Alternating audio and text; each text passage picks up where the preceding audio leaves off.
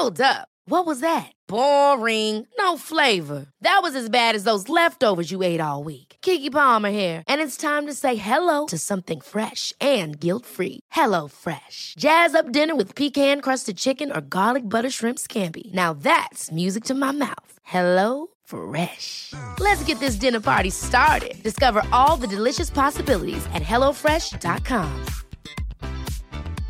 Hiring for your small business? If you're not looking for professionals on LinkedIn, you're looking in the wrong place. That's like looking for your car keys in a fish tank.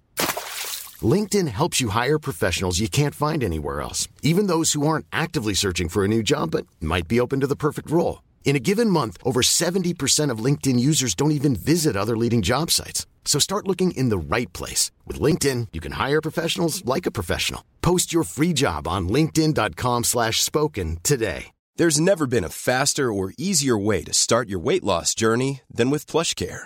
PlushCare accepts most insurance plans and gives you online access to board-certified physicians who can prescribe FDA-approved weight loss medications like Wigovi and Zepbound for those who qualify. Take charge of your health and speak with a board-certified physician about a weight loss plan that's right for you. Get started today at plushcare.com slash weight loss. That's plushcare.com slash weight loss. plushcare.com slash weight loss. Welkom, beste Facebook- en podcastvrienden. We verwachten een hoop volk in deze uitzending om het te hebben over onze transfers anno Luciano. Welkom bij De Vierkante Paal.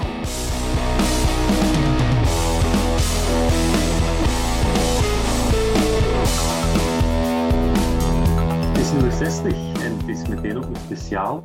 Uh, welkom ook aan alle deelnemers. Bob, Dylan, Hans, Frederik Benson en Vincent. Welkom allemaal. Dank u. Dank u. We hebben er een beetje zin in. Hans, hoe zit het bij u met de goesting? Ik heb goesting, jongens. Ik heb er heel veel zin in. Uh, ik zin, uh, de transfer deadline day was zo plezant, dus ik hoop dat we er vandaag ook iets leuk van kunnen maken. Hè? Ja, we gaan voor een verbreking van het vorige record. Dat was drie uur. dus uh, we weten wat ons te doen staat. Uh, voor wie is het de eerste keer Facebook Live? Ik denk voor mij. Want Vincent, voor u is het ook uh, de eerste keer. Ja, ik, kon, ik, ik heb vorige keer heel kort even een stuk gekeken, want ik moest werken en op toilet. En ik, en, en ik merkte meteen hoe verslavend dat was. Ik, denk dat, ik weet niet meer wat, maar de Hans had een goed verhaal. En ik wou eigenlijk echt niet terug gaan werken. En ik had liever graag meer live ingestapt van op het toilet, maar er zijn nog altijd grenzen. Uh, op Facebook. Jij werken op het toilet? Ik ging het net vragen. Is dat werken op het toilet of heb je gekeken op Nee, nee. Het, het, tijdens het werken moest ik op het toilet en, uh, en uh, zette ik mijn Facebook op. En ja, ik, het, schoon niet veel of ik had op join geklikt, bij wijze van spreken, maar dan toch niet. Mooi. Um, voor we misschien beginnen aan de transfer special, zijn er ook nog wel een paar actua thema's. Nu dat toch vierkante paal is, kunnen we het er maar even goed over hebben. En je dat we de donderdag nog iets hebben, hè? Uh, ja. Gewoon even kort. Gewoon even kort. Um, de belofteploegen in 1B, daar is een voorstel voor gelanceerd. Dat er dus 7 à 8 ploegen zouden deelnemen in 1B. Ik kijk naar Bob. Wat denk jij erover? Is dat een goed idee om uh, naast Club Brugge ook Anderlecht, Genk, Antwerpen wordt ook genoemd, om die allemaal toe te voegen aan die competitie? Goh, uh, enerzijds denk ik, je, je, zou denken van wel, omdat die dan toch in een, in een soort hogere competitie spelen waar dat ze normaal gezien in spelen, hè, tegen een aantal profploegen, zoals dan Westerlo en, en helpt eens, wie zit er nog allemaal? Uh, RWDM. En, uh, maar ik weet ook niet of dat de, de next ploeg van Brugge het zo geweldig goed heeft gedaan. Ik denk niet dat die dit seizoen al gewonnen hebben. Of verplaatsing niet. Ja, dus is dat dan beter om heel het seizoen op je doos te krijgen? Um, ik weet dat niet. Wat ik daar heel raar aan vind, is... Je kunt, volgens mij kan de Club Next ook niet zakken. Uh, dus is, is dat zo'n soort sportief dood element uh, in, die, in die reeks. Je kunt er eigenlijk alleen maar punten tegen verliezen. want ja, als, je, als je zelf er niet uit wilt. En ja, als natuurlijk de helft van je reeks zo'n soort dood element wordt, dan is je klassement echt iets super raar. Dan kun je bij wijze van spreken vierde staan en toch in de gevarenzone. En, en, en het hele idee van een competitie schiet dan een beetje voorbij eigenlijk. Is dat ook niet vrij hoog, 1B? Voor de, voor de belofte? Zou dat niet beter de eerste amateurliga zijn? Want als je nu kijkt naar Club Next, dat dan toch een van de betere, zo niet de beste jeugdploegen uh, van, van het land zou moeten zijn. En die bengelen helemaal onderaan. Denk ik dat het misschien wel interessanter is dat dat in, in eerste amateurliga is. Ik denk dat er geen één reeks goed voor is. Je moet jongen, uh, mannenvoetbal en jongensvoetbal gescheiden houden. Hè. De enige reden waarvoor dat goed zou zijn, zou zijn dat we zo met de B-ploeg nog eens een viertoon kunnen. Dat zou de enige reden zijn waarvoor ik het kan toejagen. Maar voor de rest moeten ze gewoon stoppen met die zever. Als je dan zo kunt kiezen, een, uh, een uitmatch van een Antwerp op, laten we nu zeggen, um, Waasland-Beveren tot nader order, of zo naar Virton met de B-ploeg. Wat kies je dan? Virton, hè? Voilà. Dat, is eigenlijk slapen. Dat is nou wel een slecht voorbeeld. Hè? Een beveren, daar zitten direct. Oké, okay, wat hadden we nog? Genk. Ja, Genk is al een topper, dus daar kunnen we nog van zeggen. Um, Oké, ja, gemengde gevoelens um, over de belofteploegen, maar jullie mogen er uh, de rest van de week over verder gaan. Ook nog wel een leuke recent van deze week. Union is kampioen in 1B. Dat werd op... Uh, veel gejuich onthaald. De, uh, ja, de mensen kunnen het nu ook zien, dus dat is ook voor mij even aanpassen. Hans, bij de handjes in de lucht. Ja. Jij bent fan. Ik kom geen in toe, de park. Ik, uh, ik, uh, ik vind een geweldige club Union. Die, die hebben ook waanzinnig veel respect voor de Antwerp. als ik op Union kom en ze hebben door dat je van de Antwerp komt, dan worden er direct als een koning behandeld. Dus ik heb ook... ik zit, juist naast het bezoekersvak, zoals de meesten ondertussen al wel weten. En er is ook geen één ploeg dat zo respectvol naar de Bosuil komt als Union. Dat is echt fenomenaal. Na de match geven die een applaus voor tribune 2. Uh, eh, dat is niet zo... Allee, Lommel komt zelfs het dagen, hè. Dat, dat gaat er los over. Hè. En, en Union die komen met respect. Oké. Okay. Um, heeft er nog iemand goede bedenkingen of herinneringen aan Union misschien? Ja, ik heb uh, in Brussel gestudeerd en ik ging toen wel regelmatig. Toen zat hij nog in derde. Uh, en ik heb, die, die, die hadden altijd match op zondagmiddag. En uh, die staantribune daar staat daar heel schoon in het park in het zonnetje. dus ik ben daar best regelmatig naar gaan kijken. Eigenlijk. Dat was de max. En ik heb ook heel even als sportjournalist gewerkt bij TV Brussel. En dan moest ik die volgen. en op een bepaald moment konden die promoveren van derde naar tweede. En dan moesten die gewoon in de finale, denk ik, winnen van Patro Maasmechelen. En um, de, de, terugmatch was uh, in Maasmechelen, dus helemaal nog hinter met mijn cameraman, ben daar geïnstalleerd in, in, in uh, wat echt wel heel duidelijk het amateurvoetbal was. En dan ineens kwamen de mannen van Union eraan en er stonden mensen recht op de rijdende bus. En dat heb ik tot nu toe nog niet zo heel vaak gezien met de kampioenenviering wel, maar waarom? supporters die uit dat bovenste ding met hun bengaals kwamen ze daartoe en ze gingen het toch wel even gaan fixen.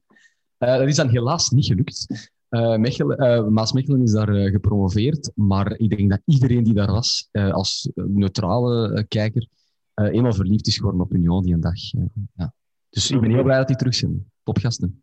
Oké. Um, ik heb daar ja, zo'n een, een volse ethische bedenking, want, bedenking liever, want heel de voetbalwereld is rot. Maar ik heb er wel een um, probleem mee dat de eigenaar, Bloem, dat dat een eigenaar is van ik weet nu niet meer welke gokinstantie. En ik vind dat een beetje pervers dat het geld van een gokbedrijf, zowel bij Brighton als bij Union, zo, zo hoog zit eigenlijk. Is het niet zo dat hij zijn geld heeft verdiend met het gokken? Ik dacht dat het zo zat. Ja, maar hij heeft nu toch ook een gokbedrijf, hè? Oh, dat zou kunnen. Het was een pokerspeler, ik denk dat dat is dat jij bedoelt. Ja. Hmm, ja, ik dacht dat, speelde okay. poker. Hmm, ik dacht dat hij wel ook... Uh, dat er wel zo aan een goksfeertje rondging. Dus dan, dan, dan zeg ik niks. Dan moet ik eigenlijk mijn mond houden. Dus uh, als Frederik, als jij dat kunt monitoren, dat er nu al uh, rotte tomaten met een kop worden gegooid, dan uh, incasseer ik die graag. Ik haatreacties. Dus, Oké, okay, dan gaan we rap naar, het, naar de uitzending waarvoor we er eigenlijk zitten. Hè. En dat is ehm, de transfer special. Daar zijn al heel veel vragen over gekomen. Doorheen de Actua-uitzendingen, toen we het over de wedstrijden zelf hebben gehad. Dus in een uh, voetballuwe periode is dat het moment om dat eens ter sprake te brengen. Um, we hebben ons ook voorbereid. Ik heb dat gedaan en ik ga een aantal dingen ook aanreiken. Maar zo, Dylan, jij lacht al zo op het eerste, eerste gedacht, het eerste gevoel. Hoe, hoe kijk je naar onze transfers de voorbije vier jaar sinds dat we in eerste klasse zitten? Oh, ik merk wel dat er vrij veel negativiteit is eh, rond onze transfers, maar ik snap eigenlijk niet zo goed waarom. Het kan uiteraard altijd beter. Ehm, maar als je kijkt op vier jaar tijd waar dat we nu staan, uh, ik kan al meteen de grote dooddoener uh, er bovenop gooien. We staan tweede, na vier jaar tijd uh, eerste. We hebben Europees gespeeld, uh, twee, keer, twee keer al. Eén keer is dat jammer genoeg net niet gelukt. Er zijn een paar, paar foliekjes misgelopen, maar er zijn een paar andere die wel magistraal goed zijn geweest. Um, en ik denk als, als grootste voorbeeld is dat je als je een Refailov en een Mbokani kunt halen, terwijl je eigenlijk nog niks hebt bewezen in eerste klasse, ja, dan heb je dat gewoon goed gedaan en dan heb je een goed team uitgebouwd. Het is nu wel natuurlijk zaak om daar ook winst op te maken. En dat is dan mijn grootste kritiek erop, dat we, dat we onze spelers die dat het wel goed doen en die misschien een meerwaarde kunnen hebben, dat we die gratis laten, laten gaan, zoals Nieuwkleur Maar ik denk dat je voor de rest, als je, als je alle positieve en negatieve punten bij elkaar telt, dat je dan toch direct bij een, een, een 7 of een 8 op 10 uitkomt. En dat is gewoon goed. Als je met een 8 op 10 of zelfs met een 7 op 10 thuis, thuis kwam, ja, dan, dan krijg je een applaus. Hè? Mm Applaus. Ik zie ons moeder er al staan. dat gaat goed zijn, ja, dat wel. Bob, um, de Dylan is al meteen met bloemjes aan het gooien. Komen nu de potten erachter of zijn je min of meer akkoord met wat Dylan ja, min of, min of meer akkoord. Het is zo'n beetje uh, het parcours van de Ronde van Frankrijk. Zo een hoop pieken en een hoop, een hoop, hoop vlak parcours. Zo, uh, um, ik vind dat wij een paar inderdaad, een Bocani, uh, eigenlijk een Boeta, misschien dit seizoen wat minder, maar hij deed, deed toch ook al ons veel plezier bezorgd. Maar dan zijn er natuurlijk ook spelers, gelijk de Pieter Wapa en, ehm, en, en hoe heette die, een gigantische uh, beer van de verdediger. Sal. Sal. Sal. Ja. Mustafa. Daar had ik schrik van. Uh, hey, jongen, die, was, die, die, zijn benen, dat was... Uh, maar, uh, dus ja, je hebt ook dat soort spelers. Oké, dat zullen altijd hebben in, in, in transfer, transferperiodes, dat dat soort spelers ook doorkomen. Maar ik, ik denk niet dat ik met Bloem potten ga smijten. Ik denk dat ik voorlopig uh, ook bij bloemetjes ga houden. Hm. Dus we hebben, er zijn al twee belangrijke namen gevallen natuurlijk. Ambokani en Failov, dat zijn de exponenten van, ja, van de voorbije jaren. Hè. Dat zijn de mannen die ons naar een hoger niveau hebben gebracht. Uh, Hans, wanneer is voor u een transfer geslaagd? In het algemeen. Dat is een moeilijke, hè? want er verschillende soorten transfers. Hè. Ik, uh, ja, ik uh, denk als we met de rendement haalt dat we verwachten. Um, ik denk ook dat je dat tijd moet geven. Zien een Ongas, zien een SEC. dus alleen op basis van hun eerste seizoen zouden dat mislukte transfers kunnen noemen. En ondertussen noemen dat, dat geslaagde transfers. Dat is ook een, een heel subjectief gegeven natuurlijk. voor, hmm. voor iedereen is dat anders. Hè. Ik, dus ja, wanneer is een transfer geslaagd? Als uw spits minstens 15 potten maakt en als uw keeper alle ballen pakt, dan is dat al geslaagd. En ja, die ertussen die moeten maar hun best doen, zeker. Hè? Dan hebben Avenatti en Bijra van nog wat werk, zegt. Ja, dat, daar komen we misschien nog toe, maar die nog wel wat werk. Wat ik ook wel interessant vond, wat in het antwoord van Dylan zat, dat gaat over ja, het zijn de grote namen, en Mokani, Refailov, die, die uiteraard zijn opgevallen.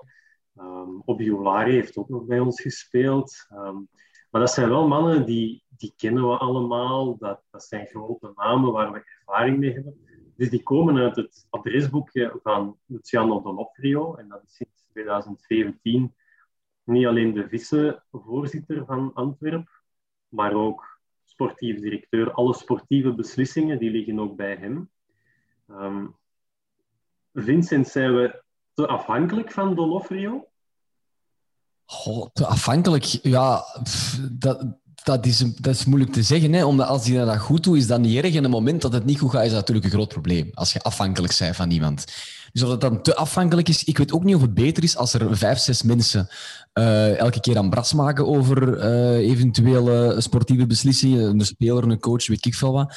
Want dan krijg je compromisdingen. En uh, naar hoe dat ik het begrepen heb, was Leko zo iemand. De ene was daar wel content bij, de andere niet. En, en, en, en dan krijg je soms toestanden van, ja, bon, iedereen moet zich ook goed voelen. Dus ik weet niet of het erg is dat wij zo aan een despoot daar hebben rondlopen. Zolang die een despoot het goed doet, natuurlijk. Ja. Donofrio staat vooral bekend eigenlijk om zijn, zijn adresboekje.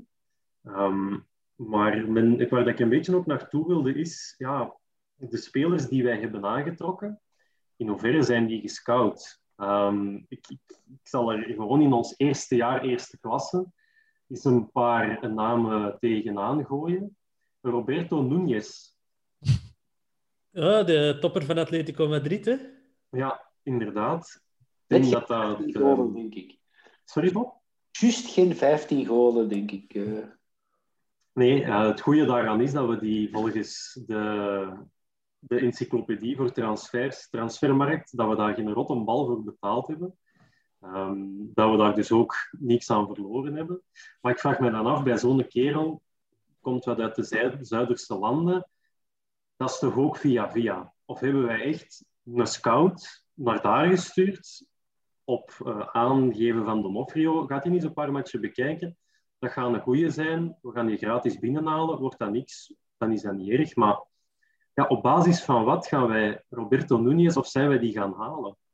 Ja, maar je moet ook wel even denken, de situatie van Antwerpen op dat moment, dat is een ploeg nog altijd in, in volle opbouw. En ja, je hebt dan nog niet meteen een gigantisch groot scoutingsapparaat. Dus daar kun je nog niet op terugvallen, zeker niet ja, internationaal. Dus als je dan goede contacten hebt met wat makelaars, ja, waarom, waarom dan niet? Zeker als je er geen, geen grote sommen aan betaalt, dan, dan kan het toch alleen maar, maar meevallen, denk ik. Scouting is uiteraard zeer belangrijk, maar ook wel zeer duur. Zeker die, die eerste jaren moet je gewoon hopen op, uh, op wat geluksjes, denk ik.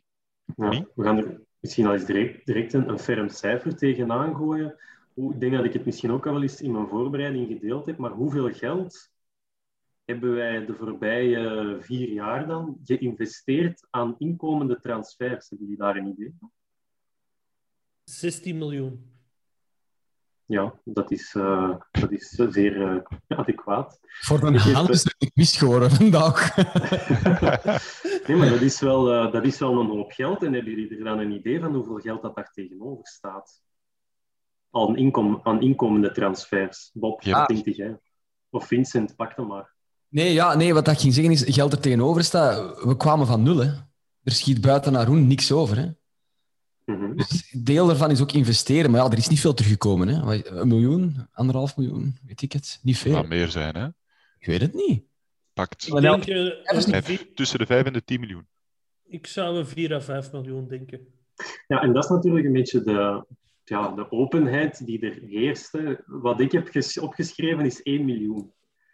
Um, en ik zal u vertellen, ik zal u gelijk vertellen waar die onder andere vandaan komen. Ja, ik ben wel benieuwd naar die cijfers. Uh... Ja, Omelo, die hebben wij verkocht aan Cercle Brugge voor 200.000 euro. Die hadden we al eigenlijk.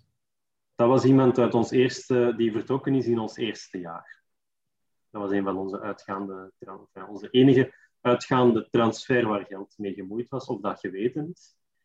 In jaar twee is dat Reda Jadi naar... Um, ja, sorry, Hans? Ik denk dat je CNI nog hebt vergeten.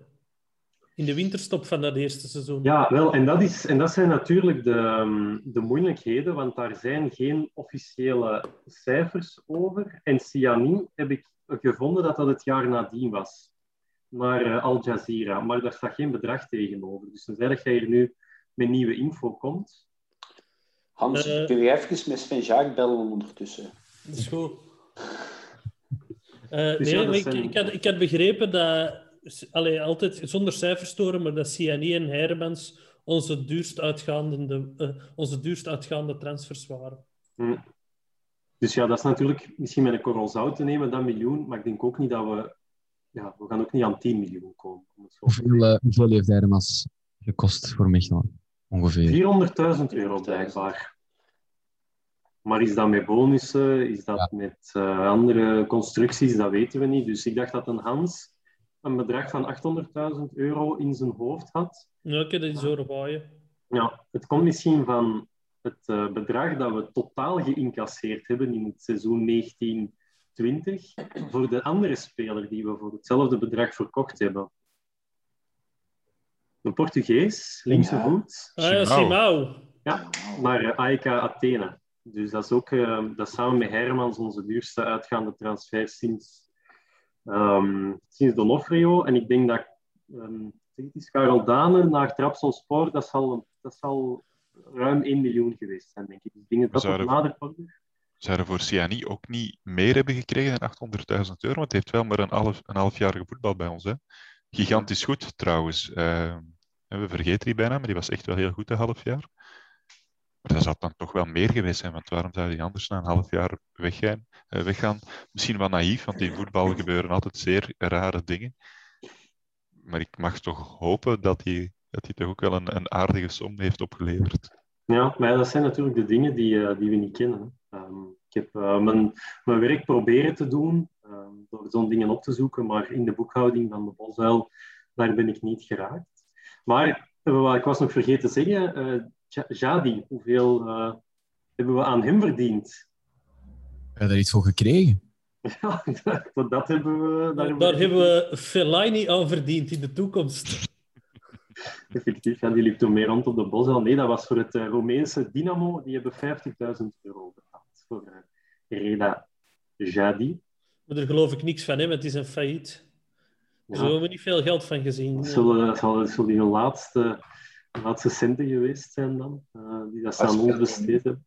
Sorry? Waar speelt hij nu, Jadi? Dat, dat weet ik niet. Nergens. Dat heb ik niet, dat heb ik niet mee opgezocht. Nee, die speelt ergens in Marokko, denk ik. Ja, ik dacht dat Casablanca, dacht ik, maar ik ben niet... Uh... Ik ben bezig, jongens. Oké, okay, Hans zoekt verderop. En dan hebben we Simao en Hermans, 400.000 Fus de Rabat. Ah, ah Rabat. Ja, kijk, je moet het maar weten. Hè. En dan eigenlijk het, het ja, triestigste seizoen was eigenlijk vorig... Of ja, was afgelopen transferzomer, want dan hebben we zomaar even 0 euro verdiend aan inkomende transfers. Um, en er is Van één uitgaande.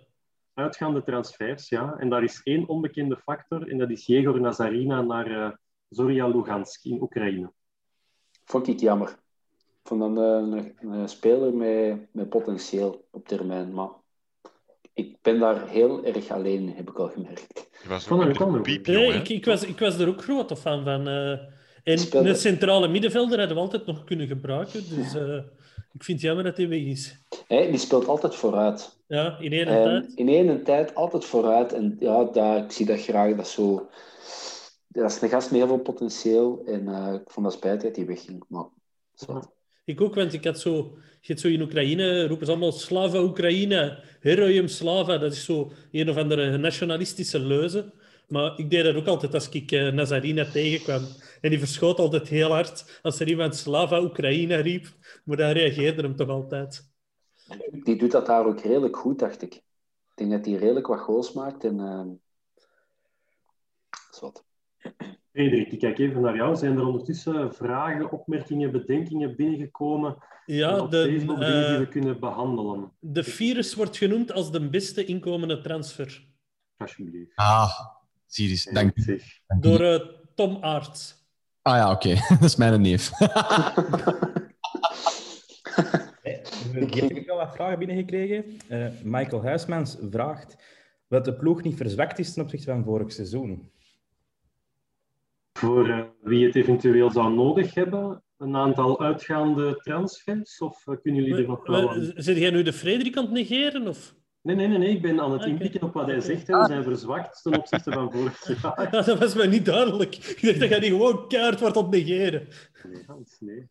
Onder zo'n blonde mesje heeft hem niks meer te zeggen, Fred. Sorry, um, ja, mijn credibility in de voetbalwereld is weg. ja, dan Hans heeft, daar, heeft, iedereen daar attent op gemaakt. Dus, nee, qua uitgaande transfers waren onder andere Aslanagic, Miralas, die voor een, uh, was een baklava in Turkije is gaan voetballen, Lathouwer, Steunkens, Bolat, Opare, Amara Baby, Rodriguez, Nazarina, Pius in het tussenseizoen. Um, ja, Ik denk wel dat we minder goed staan ehm, dan, dan vorig jaar. Uh, omdat we van achter toch verzwakt zijn. Uh, met uh, Hoed. Bob, kijk even naar jou. Uh, ik zie jou altijd glunderen als die naam valt. Ik, wel, ik word nu al warm van ja, binnen. Ik was ook grote Dino-fan. Um, omdat hij toch altijd wel secuur was, niet in het uitvoetballen. En dan kun je discussiëren, was hij dan wel goed voor een driemansverdediging en weet ik allemaal wat. Ik vond hem wel een goede verdediger en iemand die dat we altijd nog hadden kunnen gebruiken dit seizoen. Um, we hebben ook geen flankspelers meer. Hè? Uh, of je moet Ampoma erbij rekenen, die dat er toch niet helemaal is doorgekomen. Want daar kunnen we het misschien later nog over hebben. Uh, dus ik, ik, vind wel dat we minder opties hebben dan vorig jaar, precies. Uh, dus ik vind wel dat we zwakker zijn. Oké, we staan wel tweede, maar dat is ook wel omdat ja, gevoelsmatig de andere ploegen ook niet top zijn ik had vorig jaar meer het gevoel dat er een, dat er een blok stond en ik ging met een geruster gevoel naar een bos Nu ga ik niet naar een bos dat is nog iets anders. Uh, maar ik had er altijd wel meer vertrouwen in. Misschien omdat ik vorig jaar ook altijd op de twee zat en al een pinten had gedronken en nu zenuwachtig nuchter voor een tv zit. Dat is mijn gevoel. Ja, nogthans van de lijst die je opzomde ben, heb ik bij de enige naam waar ik van dacht, ja, die missen we, dat is Bolat. Tartan zit niet? Uh, ja, het is wat Dylan zegt. Dat is een hele goede verdediger, maar uitvoetballend vind ik die niet beter dan Sek. Dan heb ik minstens even graag Sek daar nu staan. Dus ik vind niet dat Dino daar een gemis is, zoals Bolat dat wel is in, in doel. Hm, maar ik kan dat ook wel zo bekijken. We gaan Le Marchand huren uit Fulham, waar we de eerste weken lyrisch over waren en toen kwam Rangers. Um, ja, moeten we dan achteraf gezien spelers als, als Lanagic laten vertrekken, gratis, en geen opslag geven, maar dan wel in de winter een speler als Le Marchand gaan huren uit Fulham. Um, ja, hoe, hoe, schat, uh, hoe schat, Bob, hoe schat je dat dan in, dat we zo'n keuzes maken? Um, we weten natuurlijk niet wat er gebeurd is binnenskamers met een transfer van, van Dino. Wat is daar gezegd? Wat is daar gebeurd? Um, misschien hebben ze hem een envelop extra willen geven, dat hij sowieso zijn zinnen staan op, op uh, een transfer naar Gent. Wat ik goh, ergens misschien nog wel durf te begrijpen. Gent was toch... Omdat er een plezante bank is om warm te houden. Of... ja, nee, maar ik wil zeggen, dat, is, dat, is, dat, is wel, eh, dat was vorig jaar toch een topploeg. En dat is er dit jaar echt niet uitgekomen. Dus dat is, dat is kak voor hem dat hij daar nu speelt. Maar ja, um, dat wij zo van die mannen gelijk Le Marchand moeten gaan halen om te depaneren, dat is natuurlijk niet goed. Want die komen daar uh, letterlijk uh, zonder speelminuten of amper speelminuten. Komen in een competitie dat ze niet kennen, in een ploeg dat ze niet kennen. Met toch een hoop verwachtingen. Want die komt toch van het, het grotere Fulham, ja, van de Premier League. Dus dat is niet ideaal. Um, ja, idealiter heb je zo een tweede sec. Uh, zo is er natuurlijk maar één. Maar uh, zo, zo'n speler die je bij je hebt rondlopen, die ineens ontbolstert en die ineens een smaakmaker in de competitie blijkt te zijn. Uh, maar dat is wel, denk ik, een, puntje voor volgend jaar. Het zal ervan afhangen wie dat er volgend jaar coach is en hoe dat, hoe dat hem, de, de trainer dan de, de ploeg zal zetten. Gaan we toch terug naar vier, blijven we met drie. Dus dat is wel een werkpuntje inderdaad naar volgend jaar. Ja, zo'n eigenlijk Le Marchand was dat niet de bedoeling dat dat hetzelfde ging creëren als, als Hoed. Dat je eigenlijk iemand haalt die je, die je financieel niet kunt kopen. Die, die, die eigenlijk boven je niveau zit om een boel te verbeteren. Allee, de situatie waar we zitten, hè, we zijn nog altijd in volle opbouw. Ons scoutingsapparaat staat ook nog niet duizend procent op punt. Ja, moet je soms ook gewoon durven zeggen van, en we gaan er nu een, een, een topper net boven ons niveau bij duwen. En als we die dan moeten gaan huren, ja, dan is dat maar zo. En bij Hoed is dat heel goed meegevallen. En ja, nu bij Le Marchand uh, zijn we er nog niet uit. Ik zie dat toch niet graag, van, van die huurspelers zonder aankoopoptie, omdat je, ja, je kunt dan wel depaneren, maar dan heb ik liever dat je toch een idee erachter zit, uh, erachter zit en, en daar dan uit handelt, dan, dan gewoon proberen een extra stap te zetten. Dan denk ik, goh, liever rustig gaan groeien en dan wachten totdat je wel zulke spelers kunt halen gaat het niet om de combo van de twee, dat je inderdaad aan je ploeg bouwt en dan nog een extra injectie geeft als er, als er zo'n opportuniteit ook past? niet. Goh, ik denk als je een Bocani kunt halen en Refailov kunt halen, dan kun je ook wel een degelijke centrale verdediger halen waar dat je misschien later nog iets voor kunt krijgen. bij een huurspeler weet je gewoon, je, je gaat er niks voor krijgen. En nu, Le Marchand, ik kan, ik kan misschien ook iemand anders noemen, maar dat is nu het gemakkelijke voorbeeld. Die is hier een half jaar, die heeft al lang niet gespeeld. Dat is wel een risico dat je neemt. Of dat hij nu gigantisch goed is of niet, die heeft wel wat wedstrijden nodig om erin te komen. En tegen dat hij er helemaal staat, moet je hem terug afgeven. En dat vind ik altijd zo jammer. Maar het zit ook, ook iets door corona deels in een andere economische realiteit. Dat, dat zie je toch op internationaal vlak ook, dat er veel meer gehuurd wordt, zelfs ook gehuurd voor meerdere jaren. Ik wij doen met Ampoma. We hebben bijvoorbeeld zelfs een club als Juventus doen met Chiesa. Die huren die ook voor uh, twee jaar. Dat is waar. Dus ik denk, ik denk dat we de wereld voor corona en de, de wereld nu op transfervlak niet echt kunnen vergelijken. Ik kan uh, Hans daar wel in bijtreden. Um, als we kijken naar onze transferactiviteiten van vier um, afgelopen jaren, dan hebben wij 80 inkomende transfers gerealiseerd, waarvan 24 op basis van uh, ja, een huurcontract. Dat staat wel voor 30 procent. Dus dat is wel 1 op 3 spelers die je binnenhaalt, die je ook daarna normaal gezien ook ziet vertrekken. Maar wat Hans zegt klopt wel. We hebben in ons eerste jaar 10 huurspelers gehad. Dat is misschien ook wel logisch, omdat we financieel nog niet zo sterk stonden. En dit jaar waren dat er negen, terwijl dat in 2018 en in 2019 twee en drie spelers waren. Dus het is inderdaad wel een stukje ja, economische realiteit. Um... Er zijn ook veel huurspelers met aankoopopties. Hè? Behalve onze twee Franse verdedigers hebben we allemaal, bij allemaal al dan niet een verplichte aankoopoptie. Uh, dus dat is eigenlijk gewoon een beetje boekhoudkundig gedoe, hè? Met, met uh, uitgaven uitstellen en in de hoop dat je in mhm. tussentijd Europees speelt en zo, waardoor het er weer binnenkomt, meer binnenkomt. En, hey, we hebben hier allemaal ooit voetbalmanager gespeeld, we kennen die trucken wel. Hè? Sowieso. er is wel één transfer die we volgend jaar kunnen bijschrijven. Dat is Berger Verstraten en die komt voor 2 miljoen over van uh, Keulen naar, uh, naar Antwerpen. En daar staat tegenover nog uh, geen enkel bedrag. Dus we staan al 2 miljoen in het rood volgend jaar. Maar het is een goeie, hè? Daar zijn we toch uh, zachtjes aan over eens. Ja, en we kunnen de pauw misschien nog verkopen, hè? Die toch een raspaard als Boeta op de bank houdt. dat is waar. Dat is waar, dat is absoluut waar. Dat trouwens al een tijdje aan het passeren in de chat. Um, wat zouden jullie mee doen? Zijn uh, optie verlengen. Zijn contract loopt in principe af deze zomer. En dan is er ook nog de vraag of dat we geen fout hebben gemaakt door die vorige zomer niet te verkopen voor een aanzienlijk bedrag, als hij nu dreigt gratis te vertrekken. Ja, wie pakt hem?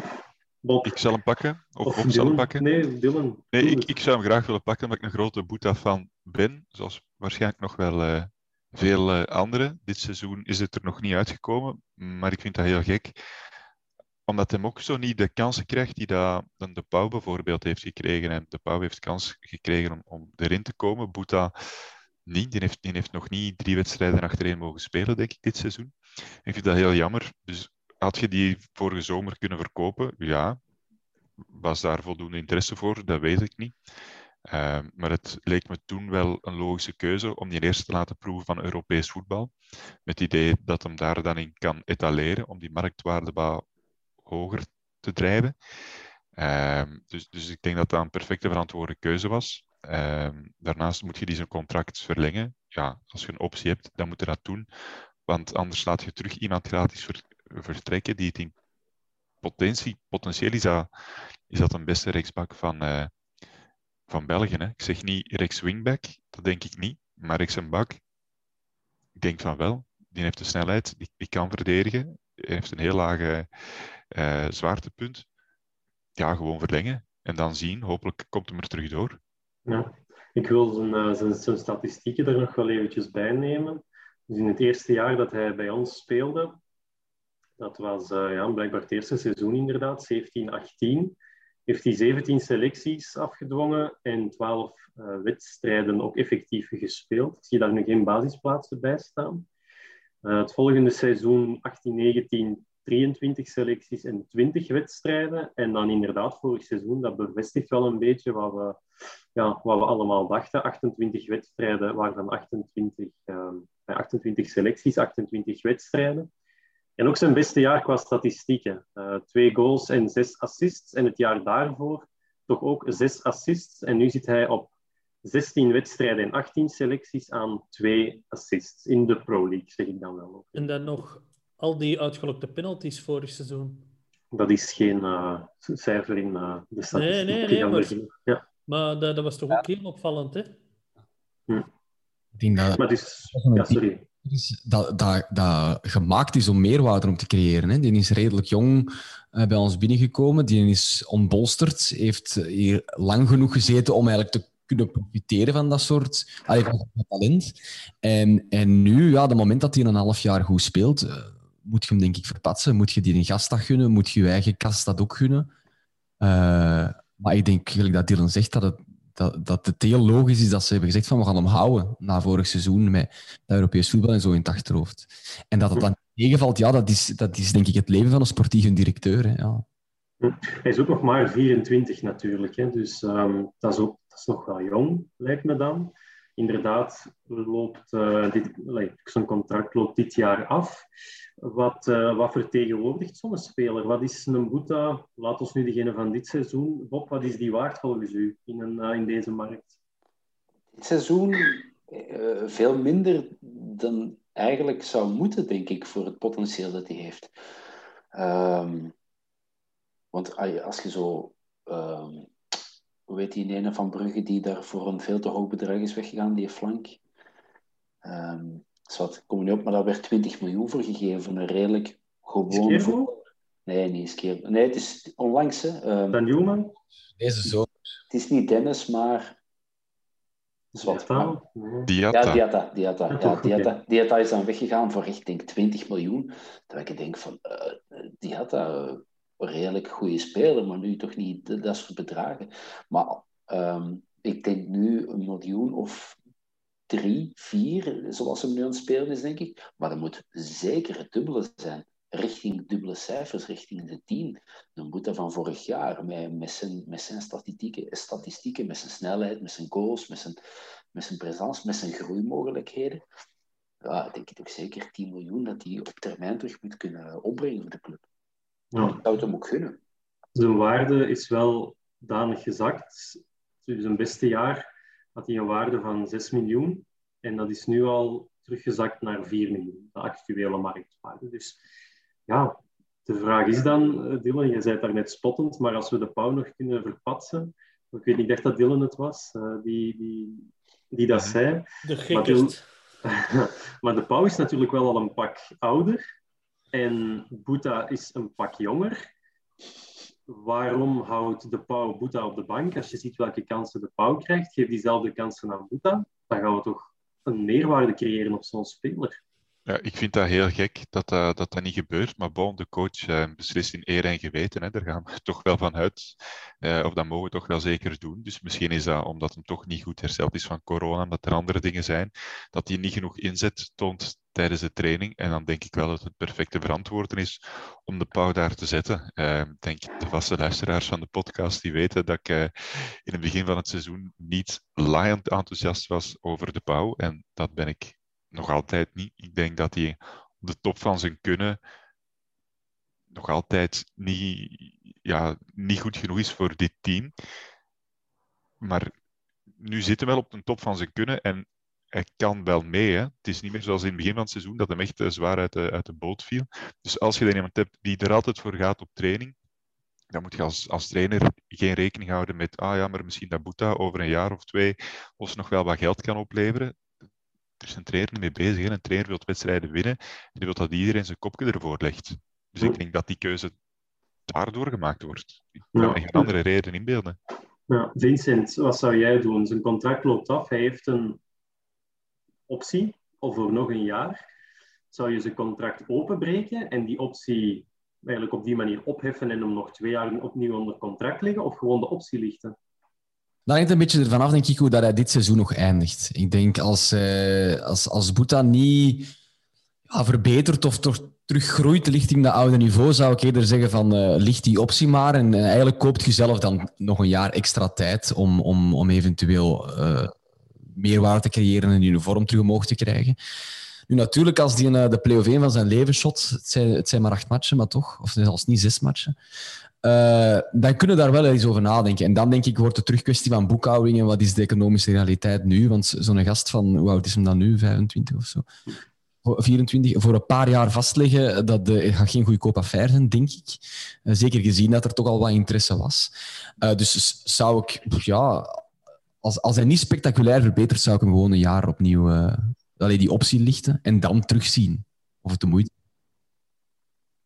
dat is een, een aflopend contract, Boeta. Ik hoop dat we daar de mensen die de vragen hadden, daar voldoende op hebben kunnen bijspreken. Zijn er nog ergens vragen binnengekomen of mag ik zelf nog een een themaatje aansnijden. Er komen er heel veel binnen via de chat. Okay, de, Frederik moet dat wel in de gaten houden. Hè? Ik, toch ik heb een, een lijstje klaarstaan al zelfs. Mooi. Uh, Dimitri Krijf via de stories vraagt: um, Lam Kelzee, moeten we die verkopen deze zomer? Um, we gaan eens ik, kijken uh... bij wie we hem gaan leggen. De Hans neemt het woord, dat verbaast me. Maar... ik vind van wel. Want het gaat nu goed, hij is aan het knallen. En je moet ervan profiteren voordat er misschien terug iets gebeurt en gewoon geld van maken. Want er moet geld binnenkomen. En hoeveel geld zou je er nog van willen maken? Kun je uiteraard wel een 100 miljoen voor krijgen, dat is niet realistisch. Dat lijkt me dan iets minder realistisch. Maar wat, is, wat kan hij nu, zoals hij nu is, vertegenwoordigen? Een 7 à 8 miljoen, denk ik. Oké. Okay. Wie is er even gek als Lamcozé om dat bedrag op tafel te leggen. Boven de vijf moet je hem toch verpatsen, kom. Ja, maar wel, wel, welk team wil dat risico nemen in deze markt om weliswaar een hele goede speler aan te kopen? Maar iedereen heeft, uh, heeft de foto's gezien, iedereen heeft de verhalen gelezen. Dat is, dat is niet alleen in Europa uh, rondgegaan, het is over heel de wereld rondgegaan. Ploegen die 10 miljoen kunnen leggen, die kunnen ook 10 miljoen leggen voor een andere goede speler die dat, die gekkigheden niet heeft dus ik, vraag me af of dat we niet te optimistisch altijd zijn met de marktwaarde van, uh, of het, het, mogelijke transferbedrag van Amco in te schatten. Kwalitatief zou die, zou die veel meer waard zijn natuurlijk, maar ik denk, denk echt niet dat je er 10 miljoen voor maar gaat krijgen. Dat, is daarom dat ploegen juist toch ook gaan wagen, hè? omdat kwalitatief is dan een 20 miljoen speler. Als, als je een Dieta voor 20 miljoen kunt verkopen, maar met alles dat erbij komt kijken, gaat je er nooit 20 miljoen voor krijgen. Maar gaat er wel eens een club die 20 miljoen kan geven, een gok durven wagen? Ik ben er niet... Het is in toekomst zien, hè. Maar ik, ik, geloof er niet dat je ik er 10 miljoen aan het hopen krijgt. Ja, ja, ik, ik, hoop, ik hoop het ook. Ik hoop, ik hoop ook dat hem deze zomer vertrekt. Uh, maar 10 miljoen lijkt me... Eh, ik, ik zou als clubleider geen 10 miljoen euro betalen voor een speler die al zoveel problemen bij al zijn vorige clubs heeft opgeleverd. Ik denk dat dat financieel een zeer, zeer moeilijke gaat zijn. Het mag, hè uiteraard. Maar... Ik denk vanuit zo die, de vijf grote competities, uh, die altijd zo worden genoemd, die, ja, die clubs die dat geld hebben, hebben inderdaad een scoutingapparaat en, en de werkende Google. Dus ik denk dat die dat niet gaan doen. Maar je hebt toch soms zo ploegen in Rusland of, in, of, of ergens, ergens in, uh, in het Midden-Oosten die soms rare toeren uithalen en met geld gooien als het dat, dat aan heeft. En ik denk, slash hoop, uh, dat daar de oplossing voor Lamkelzee ligt. Ik denk dat hij zich daar ook als uh, speler veel meer kan permitteren wat Fratskes naast het veld betreft, zonder dat hij uh, door naar de kern uh, bijna wordt vermoord, bij wijze van spreken. Dus ik denk dat we, dat we daar moeten gaan zoeken. Maar ik weet niet wat de Luciano's en contacten in die delen van de wereld zijn. Geen idee. Daar heeft hij alleszins nog niks mispeuterd. Uh, in de rest van de wereld eerder wel. Dus heel benieuwd of, hij dat, tot, of dat zijn tentakels tot daar reiken. Hij ligt wel nog twee jaar onder contract na dit seizoen. Je moet uh, even nadenken. Als we nu nog een jaar zouden bijhouden... Dat is het moment om te verkopen. Hè? Twee jaar onder contract is het moment om te verkopen. Hm. Allee, zo doe ik het op voetbalmanager. En dan marcheert er altijd goed. Wat heeft u dat al opgeleverd, Hans? Hoeveel Champions League-titels? Veel. Heel veel. dat is goed, want bij mij niet. Dus ik kan beter bij u eens in, uh, in de leer komen. Um, ja, ik zal misschien uh, eens de, de president de stem opwerpen. Ik zou hem gewoon houden. Want ik vind hem te waardevol om hem ook weg te doen. En als je, ehm, ja, als je kijkt wat hij vertegenwoordigt, puur sportief, vind ik het een te waardevolle speler. Als we, we twijfelen allemaal of dat we Refailov al dan niet willen houden, dan zou je Refailov einde contract laten vertrekken. En Bocani, zijn contract loopt per slot van rekening ook af. Uh, Lamkelzee die de deur uitwandelt. En ehm, dan weet ik niet goed, uh, dan denk ik dat hij wel een steunpilaar kan zijn. Dus ik zou... ehm, misschien is Verkouter wel de man die hem op het rechte pad houdt. En dan zou ik hem niet zomaar in het uitstalraam zetten. Ik denk dat dat nog altijd een bepalende speler kan zijn. En dat hij eh, dat die gewoon te belangrijk is om, om hem maar te verkopen voor 5 miljoen. Maar je kunt toch niet als club Lamco Zee uitkiezen als steunpilaar van je team? Dat gaat toch niet? En je, je neemt het woord vertegenwoordiger in de mond. Maar Lamco Zee is toch niet... Dat is iemand die je club vertegenwoordigt, hè? Mm -hmm. Dat, ja, wat heeft Verkouter ervan gemaakt, Dylan, in de maand januari? ja, Zijn er eh, gewoon eh, afhankelijk van geweest. En nog steeds, volgens mij. misschien En dat je daar iemand anders zet, dat, dat hij ook de doelpunten had gescoord. Hè? Dat weet je niet. Dus Ja. ik, ik, vind, ik vind hem nog altijd niet zo belangrijk om te zeggen, we gaan er een steunpilaar van maken. Ehm, nee, die moet gewoon vertrekken, zo snel mogelijk. Ehm, en je kunt dat niet loszien van het sportieve. Want als het enkel het sportieve is, dan kun je inderdaad uw redenering volgen, in mijn, eh, in mijn ogen. Maar dat, dat is niet. Er komt veel meer bij kijken. En ik vind niet dat je, dat je zo'n speler langer bij u moet houden. Met alles wat hem al mispeuterd heeft, de, de schade dat hem de club heeft berokkend. Eh, hij is goed bezig en dat is fijn. Maar als je hem dan voor een bedrag kunt verkopen, alsjeblieft, doe dat gewoon. Dan zij er vanaf. En dan kun je, dan kun andere gasten die, die wel voor je club willen spelen, eh, erin zetten. Dylan tegen eender welke prijs dan verkopen? Zelfs dan voor eh, een Pinocchio-prijs? eh, eh, Ja. om, om er toch maar vanaf te zijn? Of laten we zeggen, nee, nee, onder de 5 miljoen vertrekt hem niet en, en proberen we hem volgend jaar eh kwalitatief goed te gebruiken. Ik heb, ik heb natuurlijk eh, makkelijk spreken, maar ik, ik, ik ga er niet een boterham minder van moeten eten. Maar ik zou, als je er geen verlies op doet, dan zou dat voor mij al goed zijn. En ik weet dat, dat ik er als heel weinig eens over denk. Normaal gezien, als je er 5 miljoen voor krijgt, dan is dat een goede prijs. Je, heeft een miljoen gekost, dacht ik. Dus 1 miljoen, ja. Inderdaad. Van Chamois Niort. ah, wel, vanaf 2 miljoen mogen ze hem wegdoen. oké. Oké. Ik denk dat wat, allee, ik denk wat Hans daarnet zei, dat, dat ik dat misschien nog het beste argument vind. Namelijk, je weet niet wanneer het rechte pad terug krom loopt. Toch aan alles dat in een dag komt. En ik denk inderdaad dat Verkouter degene is die het rechte pad zo lang mogelijk recht kan houden. Maar dat is en blijft een rekker en die, die gaat snappen ooit. En daar moet je inderdaad voor zijn, want anders ja, implodeert die marktwaarde opnieuw. En dat in combinatie met wat je net zei, eh, ben namelijk ja, de kans bestaat dat Refailov eh, er volgend jaar niet meer rondloopt en voor een Bocani eigenlijk hetzelfde. En we hebben wel wat fondsen nodig. En dan is het idee misschien wel een interessante om, om dan toch dat nu te verzilveren, om het gemis van die twee en dan bij gevolg ook drie, want de sportieve waarde van Lamkelzee is groot de laatste maand, om dat wat op te vullen. Hm. Oké. Die twee Eh, andere wie- namen, ja, sorry, die twee andere zijn nu, eh, namen zijn nu gevallen van uh, Refailov en een Bocani. Eh, ik ben eens benieuwd hoe dat, wat dat jullie ervan vinden. Bijhouden allebei, allebei verkopen. Alle, wie, wie mag blijven, wie, wie mag vertrekken? Die mogen bij ons blijven spelen totdat ze zo oud zijn als u, Bob. Dat is eh, nog een, eh, een kleine tien jaar. Ja. Ehm, ik vrees een beetje voor allebei voor het jaar te veel. Ik heb dat van een Bocani lang gedacht, maar nu, gelijk dat hij ingevallen... Oké, het, is, het is één match hè, dat hij er heeft meegespeeld, maar potverdomme, hoeveel goesting zat daarin. En wat een verschil in, in, in aanvalspel. Door gewoon Dieu terug daar te zetten, terwijl hij heeft, hij heeft weken zo gespeeld dat je dacht, goh, is dat nu... Waar, waar is, waar is een Bocani van We voor? waren het misschien al te gewoon. Ik vind ja. dat hij niet echt anders speelde als voor zijn blessure. Maar we hebben gewoon gemerkt door die blessure wat dat we missen als hij er Ja. niet bij is. En, en Refailov, geweldig goede voetballer. Maar hij heeft ook wel zijn mindere matchen gespeeld, vind ik, dit, dit jaar. En ik, ik vind dat een minder uniek profiel dan een Bocani een uniek profiel Mhm. heeft. Ehm, we hebben het in de vorige podcast al eens gezegd, eh, Miyoshi.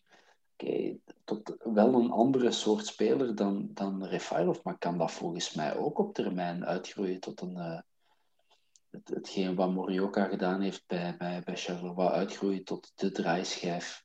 Is het- andere Ja. speler, ik weet het, maar, maar ja. Ik wou zeggen over Mbokani is het, ja, we hangen daar al drie jaar ons wagonnetje aan vast. En we slagen er ook maar niet in om een nieuwe speler erbij, of, of een, een vervanger of een opvolger, om, hem, om, om die te vinden. Maar, Maar zolang Mbokani in de Ja. kern zit, gaat hij constant die vergelijking moeten aangaan. Maar En wie, wie, komt er, ook- wie wil er ook komen om op de bank te gaan zitten voor een Bocani? Ja, maar daar heb ik de oplossing voor gegeven. Maar ja, ze luisteren niet. Met, met Henri, hè, die dat in de winter moeten halen, zeggen je gaat... eh je gast zijn contract loopt af in Bocani. Hij had tot nu, het is midden maart en hij heeft eigenlijk in, in de tweede... Hij heeft eigenlijk zijn, zijn contractverlenging... Dit, dat, is, dat is heel cru om te zeggen, maar hij heeft ze eigenlijk dit jaar nog niet verdiend. maar wie, wie zat, zat Celta de Vigo of Sevilla niet, niet achter eh Henri? Ik kan niet ploegen. Waarom zou die... Die was, die was zo goed aan het spelen, om ze allemaal op de bank komen zitten bij een rechtstreeks eh, Ja, dat is ook waar. En ja, het is, het is absoluut waar dat we ons wagonnetje aan, aan, eh, aan een Bocani hangen.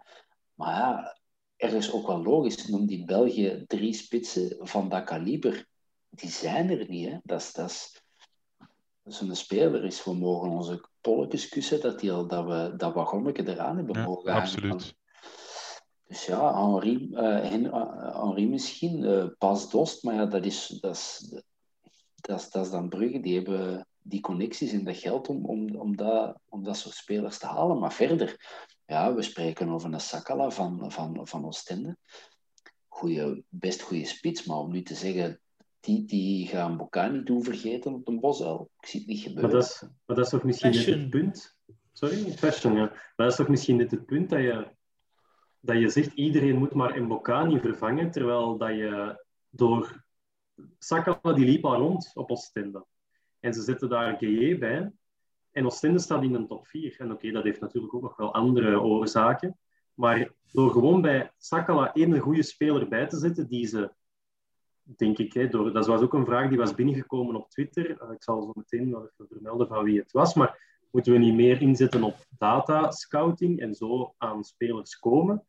Ja, ik denk dat je... Mbokani is duidelijk een transfer van Donofrio en dat had nooit gelukt als, we, als Donofrio niet bij ons had gezeten. Maar ja, kunnen we dan misschien op zo'n momenten eens niet verder kijken dan Donofrio en ja, op basis van, van vaststaande feiten een spits binnenhalen die misschien ook, die ook misschien andere spelers beter gaat halen. En het is allemaal misschien dat ik hier aan het zeggen ben, maar ja, Ik denk het profiel dat je, dat je eh, bij, bij Mokani in je kern moet steken, is, is een gast dat niet verwacht dat hem, dat hem alles gaat spelen. En, en dan denk ik aan iemand die, die jong is en die veel ervaring wil opdoen in, in, in ja, bijna de schaduw van een Bocani. En die vaak die laatste 10 of 20 minuten wil shotten of een periode waarin een Bocani wat rust krijgt of, of, of geblesseerd is. En als je dat natuurlijk met, met een jonge gast een paar jaar kunt doen en dat blijkt een talentvolle speler te zijn, dan kun je zeggen, we hebben een waardige vervanger. Maar iemand gaan kopen die een Bocani doet vergeten, dat is inderdaad, denk ik, een utopie. Dat gaat niet gaan. Dus ik, een project daarnaast, op, op lange termijn, denk ik, had een goede oplossing geweest. Maar dat is ons niet gegund eh, geweest. Maar we zoeken ook wel vaak ongeveer hetzelfde profiel als, eh, als in Bocani. Hè. Een, Gewoon een, een grote, stevige gast. En volgens mij kun je best iemand als een Sakala, een type, of een type Ardaish, gewoon een heel ander type van voor, dat je ook een keer kunt afwisselen. Dat je zegt van, goh, ehm, we moeten nu tegen twee zeer stevige gasten spelen en er is heel veel eh, ruimte in de rug van de verdediging. We gaan er gewoon de snelle zetten. En dat gaat volgens mij meer opleveren dan nu al te zoeken achter de vervanger van Mbokani. En dat moet hetzelfde type zijn, want je gaat er geen betere vinden dan Mbokani. Dus uiteraard gaat hij op de bank zitten. Maar als je een ander type hebt, dan kun je een keer zeggen, we gaan die naast Mbokani zetten. Of uh, de Dieu is wat moe en inderdaad in de rug van de verdediging, we gaan die snelheid even uitbuiten. Volgens mij is dat de manier om vooruit te komen en iemand uh, kansen te geven. Maar niet dezelfde tip, want je hebt geen betere. Ja, dat hebben ze ook geprobeerd met uh, Oulare, uh, Avenatti, allemaal van die grote, stevige, uh, reizige spitsen. Ja, Oulare was voor in Bocani wel. Ik weet het, maar de, ik wil, de laatste jaren hebben we allemaal van die Gano, allemaal dubbele meters gehad in de spits. Um, en ja, behalve Dieu heeft er niemand echt gerendeerd daarvoor aan. Ja. Dat is door uw Bolingi-mop, hè? Ze denken echt dat ze op zoek moeten naar basketters. En het is goed, Hans, dat je Bolingi aanhaalt, want dat is, eigenlijk, dat is eigenlijk de enige spits waar we de voorbije jaren geld voor betaald hebben. 750.000 euro, alsjeblieft, voor Jonathan Bolingi, die toen uh, van standaard overkwam. Een Benza hebben we ook geld voor betaald, hè? Die was ik al vergeten. Uh, die heeft drie keer gescoord, ja, hè? Klopt, inderdaad, 700.000 euro. Een hat hè? Dat, uh, hier in ja, een hattrick. Uh, Erik Jacobs, ik weet niet of dat, dat uh, papa van is, Ben. Ja. Die, die, die zegt dat in een chat, dat een Benza drie keer heeft gescoord ja. dit weekend. Ja, dat is nee, ja. Dag, dag papa Ben. Hallo. Meneer Jacobs. Um, klopt, maar dus voor twee spitsen 1.450.000 euro. Voor twee spitsen die... Dat is bekend gratis, hè? Dat is geen geld, hè? Maar ja, als je dan ziet wie dat er, ja. wie dat er achter dat bedrag staat. Voor een Bocani zou dat geen geld zijn, nee. Oh. Iemand die dat, die dat van zijn paretten maakt omdat hem tegen La Louvière per dan toch heeft gescoord, ja. Dat... hmm. Alhoewel, ik zou, die, ik zou die nog niet afschrijven. Ze. Want, uh, die is nog heel jong, hè? Die jongen is 20 jaar. Bij een Simba zeggen we dat dat een talent is. En bij een Benza is dat ineens een mislukte transfer omdat we een Simba gratis zijn gaan halen bij Genk en omdat we voor een Benza geld hebben betaald. Maar een dus, Benza uh... is geen 20, zwart.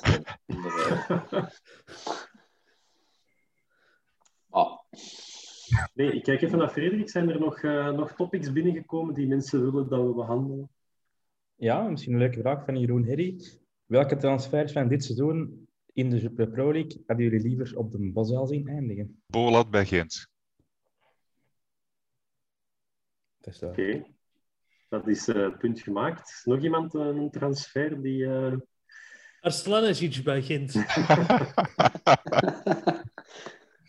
is natuurlijk niet aan de orde, maar als je zo'n zo'n lang met zijn kop ziet shotten, dan denk je wel van... Goh, maak daar nu een toffe gast van en doet hij een rood truik. Jezus, man. Dan, dan praten we niet meer over de verlenging van Refailov. Maar ja, Lang is ook niet echt een, een realistische transfer voor ja, ons. Ja. Wij, wij, kunnen niemand van Ajax halen natuurlijk. Dus ik weet, ja. 9 miljoen. Maar Bas Dost, wat was het? 4 miljoen? Ik dacht 6. Maar bon, ja. Ik, uh, Bas Dost was toch ook wel... Het ziet er soms allemaal zo een beetje gekunsteld uit bij Bas Dost, maar hij ligt er uh, bijna elke match wel één of twee tegen de draad. Um, Noah Lang, ja, dat, dat vind ik toch ook wel. Uh, begin van het seizoen, Golisadeh van, uh, van Charleroi, die is nu wel helemaal weggezakt. Uh, nou, dat soort spelers.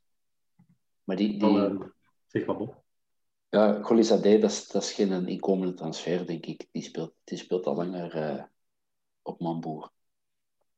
Ik wou, omdat de Club Brugge nu nog eens gevallen is, um, bij de voorbereiding waar, had ik de transferbewegingen ook opgesomd. En Antwerpen heeft 80 inkomende transfers gerealiseerd de voorbije vier seizoenen. Uitgaand zijn dat er 58, dus dat maakt een totaal van 138. En uh, Dylan, denk ik dat het was, die vroeg, is dat nu eigenlijk, is dat eigenlijk veel? En ik ben eens even bij de, ik zal maar het grote voorbeeld, uh, niet op alle vlakken natuurlijk, maar Club Brugge gaan kijken. Uh, die hebben op diezelfde vier jaar tijd 65 inkomende transfers gerealiseerd voor een bedrag van 78 miljoen euro, bijna 79 miljoen euro. Dus daar zitten we als de 16 nog wel flink onder. Maar ze hebben dan ook wel uitgaand 86 bewegingen gehad en die staan voor 137 miljoen. Dat, uh, dat is het geld wat zij uh, incasseren aan en toch gaan ze eraan volgend weekend. En dat is voetbal, hè? Dat, is, uh, dat is het mooie eraan. Ik denk, ik, denk dat, ik, denk dat, we er nog naar moeten groeien hè, naar, naar dat moment. Als, als, als je ja. ziet, Brugge Eh, wanneer dat Verhagen daar in het bestuur is gekomen, dan spreken we 2005 zoiets. In 2011 is hij voorzitter geworden. Dat is al tien jaar geleden. Hè. Die, die staan al in een proces van tien jaar, wat dat wij nu proberen in te halen op vier jaar. Dus ik vind, ik vind die vergelijking ook een Mhm. beetje moeilijk. Ja, ja. En In het begin we- werd er met Brugge gelachen, hè, toen had die Ja. mannen eraan begonnen. Hè, want dat was, hè, dat was zo de, de tijd dat die voor elke positie dan zo een profiel hadden uitgewerkt. En, en dat, ja, dat was zo heel Hager-achtig. En in extra time werd er echt gewoon mee gelachen. En ja, hè, weer niet van dat en dit en dat. Maar die hebben een visie gehad, die zijn erachter blijven staan. En met der tijd hebben die spelers aangetrokken die ze voor een beetje hebben kunnen verkopen. En die bedragen werden groter en groter en groter. En nu is Brugge op weg naar het eh, Bayern München te worden van, eh, van België. Dus die, die hebben fantastisch goed gewerkt. Eh, zo en dat kunnen wij ook. Maar we moeten dat gewoon tijd geven. vasthouden aan uw, aan, uw, eh, aan uw ideeën, dat is waar Company ook aan het doen is bij Anderlecht. Maar dat zie ik toch... eh, Ja, maar even zo- Pas op, hè, als die een, eh, zijn systeem eh, met een paar van die gasten eh, drie, vier jaar kan volhouden. Dat zijn mannen die nu 18 zijn als die 2, 23 zijn. En die zijn er nog een aantal. Hè. Ja, je, weet, je weet niet wat dat, dat geeft. Hè. Ik, Het, het, probleem, het probleem dat Company heeft, is dat hij wel een idee heeft, maar dat er geen geld zit. Hè. Ah. En, en Ja. dat hij het moet doen met spelers die anders van zijn leven nooit voor Anderlecht hadden gespeeld. Hè. was toch Ja. met back in the days niet? Hij, hij probeert het, het spel van, van Man City te kopiëren op het veld van Anderlecht. Maar dat is met, met, je kunt dat spelersmateriaal niet vergelijken natuurlijk. Hè. Nee, maar er, er zit een visie achter. Hè? En, en dat is toch fijn. En we kunnen er allemaal mee lachen. Hè? Compagnie de grote sterren, die, die het dan toch op dit moment niet waarmaakt. Maar ik vind, ik vind, dat, ik vind dat vrij goedkoop. Want er zit een visie achter, inderdaad, met zeer weinig geld. Ze doen het met, met jonge gasten. Daar kun je toch alleen maar, als, als neutrale voetballiefhebber dan, toch alleen maar blij mee zijn dat ploegen dat proberen. En dat die niet derde rangs buitenlanders erin proberen te passen. Maar Nee. dat is, het, is, het is ook gewoon van moeders daar, hè, met die jonge gasten. Ze hebben er vorig jaar nog zo'n Nasri en zo, met veel eh ehm, Pompari, eh, poes- poespas binnengehaald. Die een rebel die verdient daar slijken geld. Ja, het, het is niet van, we gaan, we gaan dat hier eens op een romantisch voetbalidee eh proberen recht Nee, het is, het is wat jeugd. moeten inderdaad, maar, maar toch vind ik, dat, vind ik dat wel fijn om te zien. En we zouden bij ons toch ook wel willen zien dat een eh, Zeno van den Bos of een, een Kirijnen, dat die, dat die speelminuten vergaren. En idealiter doet jij niet zoals Anderlecht om alleen maar met die gasten te spelen. Maar, maar hoe, hoe meer jongeren dat er, dat er aan speelkansen komen, hoe beter Ik toch? vind, ik vind trouwens heel mooi dat je de naam Zeno van den Bos laat vallen. Want ik las er juist in een chat dat Olivier Landman zei dat hij het heel goed is aan het doen bij Den Aker. En dat ze er eh, heel content van zijn. Dus Wat voor een profiel eh, heeft hij dat dan? is, dat is de centrale verdediger. Linksvoetig ook, dacht ik. Hè? De, de, de, de, de voet weet ik niet. Ik denk dat er maar twee... Dubbel op een kwartiertijd. Hè. Dat is simpel. Hè. Ja. Maar... Allee, Allee, dus Lausberg, daar zien we al niet meer naar om. Sorry, Hans, wat ging je zeggen? ja, ik ging eigenlijk, niet, ik ging eigenlijk Dylan bijtreden. Dat Dylan van, eh Zeno van den Bos. Dat ik die ook wel eens wil zien spelen als die zo goed is aan het doen. Oké, op Club Brugge is het ideaal moment om te starten, niks te verliezen. Uh, En, een Simba, en een Simba in steun van eh Mbokani. In de Tiam in de goal. Ja, dat gaan we niet doen. Hè. Een Bacani erop zetten op Brugge, want dan Ah, nee. hebben sowieso al verloren. Dat is juist, die mag niet meedoen. Voilà, ik zie kansen. Frederik, wat komt er nog binnen? Ja, een beetje aansluitend op de vorige. Ehm, wanneer mogen we onze eerste jeugdspeler uit de Academy verwachten? Voilà, de Zeno op zijn keet. De Zeno. En ik kreeg van een Olivier ook nog de naam. Wacht, eh, ik ga hem even opzoeken. Ik heb hem hier klaarstaan. Abdel Malik Aziz door. Die heeft in september 2020 een contract gekregen. Zou een opkomend talent zijn als aanvaller. En is 18 jaar momenteel. Speelt al sinds 2014 bij ons en komt van de City Pirates. Ehm, als we voetbalmanager mogen geloven, en dat doen we, dan strandt hij wel op 2,5 sterke. Dus ehm, dat is toch nog wat boterhammen eten, hè? dat een uh, Abdel Malik. Dat, dat hangt er vanaf hoe sterk dat Ah, van ja, het is dat. is, Hè. Als je Champions League speelt, dan is 2,5 ster inderdaad. Ja, maar het is op zijn, eh, het is op zijn eerste jaar, het is het potentieel. Dus eh, dat wil niet zeggen dat hij dat ook maar zomaar gaat bereiken. Ja, Ja, daar heb je een goede trainer voor nodig. Hè? ja, Bij voilà. mij altijd een vier sterren. Ja, ongetwijfeld. Als je degradeert naar 1B misschien. Eh, nee, ehm, wel een goed punt ook. Um, qua jeugdspelers is er niet superveel bewogen, zeker qua ja, inkomend richting, uh, richting de A-kern. Wat ik nog heb genoteerd, en daar zijn natuurlijk die gasten van het uh, aspirantenprogramma nog niet bijgerekend, maar wij zouden vier jeugdspelers hebben die zijn doorgestroomd vanuit de U21 en dan op een uh, consequente basis deel hebben uitgemaakt van de, van de A-kern. Tegen wanneer, of, of ja, ja, ik zal, ja, misschien wel zo, uh, Vincent, tegen wanneer zou dat een... Tegen wanneer is dat een goed percentage? Want dat is nu 5% van onze inkomende bewegingen dat, dat uit de eigen jeugd komt. Wat is een goed percentage en tegen wanneer? Ik weet niet of dat, of bijvoorbeeld percentage juist is. Ik denk dat vooral gaat over hoeveel spelers. Als jij nu in een jaar uh, heel weinig aankoopt en er stoot er maar één door, is, uh, klinkt dat misschien als een goed percentage. Terwijl neem ik liever dat er vijf komen en dat er nog heel veel andere gasten zijn. Maar we zijn nu wel op vier jaar aan het kijken, dus het is wel redelijk structureel ja. dat er bijna niks gebeurt. Maar dat er niks gebeurt, ja, allee, of niks doorkomt nu, dat is inderdaad structureel, maar ook wel logisch. Hè? We komen van nergens, hè, om het zo te zeggen.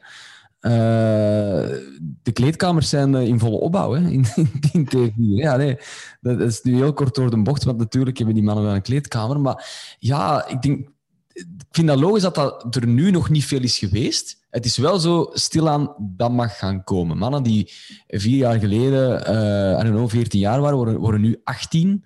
Uh, dus beetje bij beetje, denk ik, gaat dat talent er wel komen. Maar, maar dat is, uh, ja, bij alles dat van groeien, je moet daar wat geduld voor hebben, denk ik. Dylan is uh, Hey, ja, ik, ik, ben, ik ben op mijn, op, op mijn tweede scherm naar uh, de wedstrijd van vanavond aan het zien, omdat ik uh, de Geron de Wulf uh, toch maar heb bijgetreden in zijn mening dat het altijd kan en een grote kans net gemist door Gent. Ik geef ja, het maar even mee. Hij stuurde mij direct na de match tegen wel een bericht. Ja, ja. Ik, geloof, ik geloof er ook meteen in en ik dacht van ja, het gaat gebeuren. Maar ik was wel aan het luisteren. Uh... Ik dacht, uh, nee, het zag er zo uit uh, dat je echt Call of Duty wordt aan het spelen ondertussen. Nee, nee, nee, dat doe ik niet enkel PES. dus ja, Vincent, maar wanneer is dan de doorstroming wanneer is dat dan wel geslaagd? Want nu, nu je hebt wel inderdaad relevante argumenten aangehaald waardoor het nu moeilijk is, maar wat, wat moet de ambitie zijn? Of wat mogen wij ambiëren als, als grootstad? Want ja, er is toch een enorme vijver voor, voor Antwerpen om uit te vissen. Ik denk dat de ambitie heel simpel moet zijn, dat er, dat er op, op, op aantal tijd een basisspeler toch uit moet kunnen komen. En zeker een aantal bankspelers. Uh, het is stom dat je je tijd en geld moet gaan steken in, in excuusbelgen om uh, er voldoende op blad te hebben, als je ze niet gewoon zelf kunt kweken.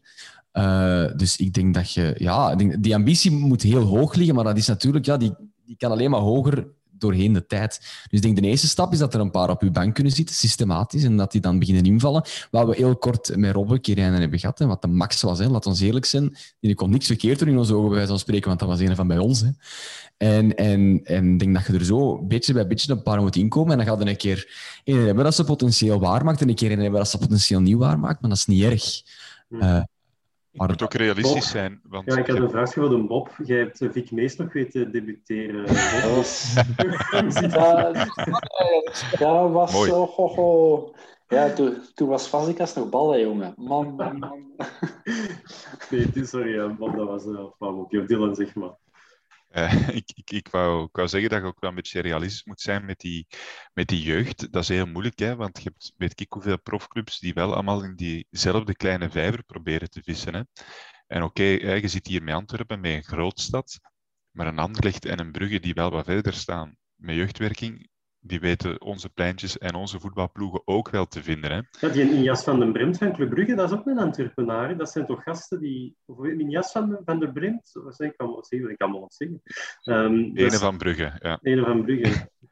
Dat is, ja, ik, ik weet niet of jullie toevallig uh, naar de Mid-Mid-podcast hebben ge geluisterd met uh, Frederik Dupré, die in de jeugdwerking van Gent zit. En die, die zegt daar ook van, ja, het is voor ons als Gent, hè, die dat toch al een paar jaar voorsprong hebben op Antwerpen dan nog, is het gewoon moeilijk en is het hopen op die, dat één talent dat dan die drie grote hebben gemist, hè, Genk, Anderlecht en Brugge, denk ik dat het was, dat die die toevallig hebben gemist, wat die net te klein was of net dit of net dat. En, en dat wij er dan voor kunnen zijn en met goede begeleiding, dat dat dan eh, het grote talent wordt, zoals uh, Sam Waze uh, op dit moment bij Gent. Daar is het op hopen.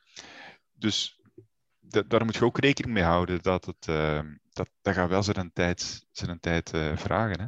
Ja, ik krijg hier ook door van wederom door Olivier, want die kent uh, veel van de jeugd. Is jarenlang jeugdtrainer geweest. Dat het ook gewoon heel belangrijk gaat zijn dat we elite 1 worden. Want momenteel zijn wij nog elite 2. Een hoop jeugdspelers dat een voorkeur geven aan elite 1. Of spelers dat je niet kunt in, binnenhalen omdat je dat niet kunt aanbieden. En daarvoor is het toch heel belangrijk dat je spelers uh, minuten maken. Al dan niet bij Antwerp zelf, maar voor, je hebt die punten nodig in dat puntensysteem om elite 1 te worden. Dus dat, dat gaat ook een hele belangrijke worden als we willen groeien en meer eigen jeugd willen zien, dat we, dat we zo rap mogelijk elite 1 moeten worden. Gaan we er verder van? Ja, ja, sorry. De mop was, is al een hele tijd. Nee, daar nog op, op, op, uh, op Dylan uh, verder bommen, een beetje ook wat Hans zegt. Uh, het probleem is ook, we zijn als, met, met ons A-team, met, met de eerste ploeg, zijn we gigantische stappen aan het zetten en we, schurken nu tegen die absolute top aan. Uh, dan is het natuurlijk moeilijk om, om als jeugdspeler die stappen mee te volgen en, en te verwachten. Dat, uh, het is heel moeilijk om te verwachten dat er nu jeugdspelers gaan zijn die tegen die eerste ploeg aanschurken op het niveau waar de Antwerp zit. we komen inderdaad van een heel laag eh, niveau. We spelen nog altijd niet uh, elite 1, zoals Hans zegt. En dan is het heel moeilijk om de jeugdspeler onmiddellijk tegen dat niveau te drukken. Maar ik wil ook, hey, daar ben ik wel mee akkoord, maar je speelt ook tegen Beveren en Moeskroen en Cirkelbruggen. Hè? En ik denk als je als jeugdspeler, daar moet je dan denk ik wel als club misschien op mikken. Dat die wedstrijden tegen de, tegen de tweede helft van de ranking, dat je jeugd daar tegen kan spelen. Dat moet niet inderdaad in de play. We moeten niet verwachten dat die gasten in play-off 1, dat je er vier van 19 jaar ploeg hebt om te dragen. Maar dat je inderdaad toch tegen tegen de mindere goden, om het dan zo maar te zeggen, dat je die gasten wel kunt brengen, dat je geen schrik moet hebben dat ze langs daar allemaal gaan passeren. Ik denk dat dat wel een, een min of meer realistische ambitie moet zijn om, om daarop te mikken. En dan zullen ze ook wel beter worden. Maar zoveel zijn er ook niet bij andere ploegen. Hè? Uh, de Verscharen heeft een heel goed seizoen gedraaid. Uh, een Doku, uh, de ketelaren, dat zijn, dat zijn heel potentieel goede, potentieel goede Rode duivels. Rode duivels. Maar zo, je moet al flink gaan nadenken om er zo tien, tien te, te vinden bij de top in België. Dus dat is niet vanzelfsprekend. Maar ja, wel een warme pleidooi om de nieuwe Richie te, te ontdekken. Zo is er maar één, hè, Bob. Hij is ook pas op zijn 17 jaar gekomen, hè, dus... We, kunnen, we kunnen nu nog ergens een 17-jarige gaan wegpikken. Hè? Voor waar komt die toen? Uh, Mechelen? Ja, maar die heeft ook bij Mechelen nog gespeeld. KFC Wilrijk, denk ik. KFC Wilrijk of Hoboken. Ja. Een van de twee. Frederik, verblijd ons met vragen. Ik ben even aan het opzoeken van waar Richie de Laat komt en dan wil ik het zelf ook wel weten. Ik denk dat dat Wilrijk is. Daar staat mij precies iets van voor. Uh, ja. Dat ik het gehoord heb. Maar ik ben ook verder van Maar uh, het eerste wat er staat transfermarkt is in Antwerpen. Dus van zijn jeugd staat er niks op. Ja, dat staat in het voetbalmagazine. Die, op die fiche gaat dat ongetwijfeld op, bij staan. Op, op, Wikipedia staat het er ook bij. Want die heeft dus in een podcast van zijn een tak gemaakt dat ze KF zo Wilrijk, dat ze daar een andere ploeg van hebben gemaakt. En dat daardoor lijkt dat hem uh, aan de verkeerde kant van de stad heeft gespeeld. Ja, seizoen 2000. Ja, Hoboken, dat begint dan. Heeft hem daar één jaar geweest. En daarvoor vooral in Hoboken gezeten. Ja, bij Maccabi en zo. Het is niet alleen een basketploeg. um, hebben we nog um, thema's binnengekregen, Frederik, die we kunnen mogen behandelen? Ja, over, terug over uh, de beslissing van uh, belofteploegen in 1B te plaatsen. Kan dat belangrijk zijn voor uh, de ontwikkeling van onze jeugd? Ongeacht of je daar fan van zijn of niet voor 1B? Mm in hoeverre stimuleert voetballen tegen mannen de ontwikkeling van min 23, 21-jarigen? Wie heeft daar uh, zicht op? Ik denk, ik denk, uh, Hans, Hans ik denk Nederland is het beste voorbeeld dat, voorbeeld dat dat werkt. Hè. In het begin hebben die het heel zwaar gehad. Maar je ziet wat dat eh, Ajax en eh, PSV de laatste jaren van eh, talent is ont... ja, dus er, er komt er gewoon van alle kanten. Die, die, die mannen die, die winnen er wel bij. Maar ik ben als, als een voetbalfan zeg ik er grandioos tegen. Want ik vind, ik, ik vind dat niet goed. Maar als on- fan van ontwikkeling van jeugdspelers is dat, is dat wel iets heel goed. Nog inzichten? Ja, de, de- uit- om, eens, om eens een vergelijking te maken met de Rode Duivels, eh, hoe belang, het belang aan jeugdspelers, en we kunnen nu allemaal nog wel juichen dat we nog allemaal goede Rode Duivels hebben, maar binnen drie jaar wordt dat... Pascal Struik, Adrien Truffert, allemaal eh, gasten die niet, die niet van hier zijn. Maar Ja, maar Spraak is wel van hier, hè? Deurne Noord, hè? Ja, Ah, ik wil zeggen, eh, bi- binnen drie jaar zijn wij terug een heel middelmatig eh, voetballand, hè, internationaal. En eh, Hellemans. ja, maar die gaat het alleen niet kunnen dragen. Jawel. Ja, dat is waar.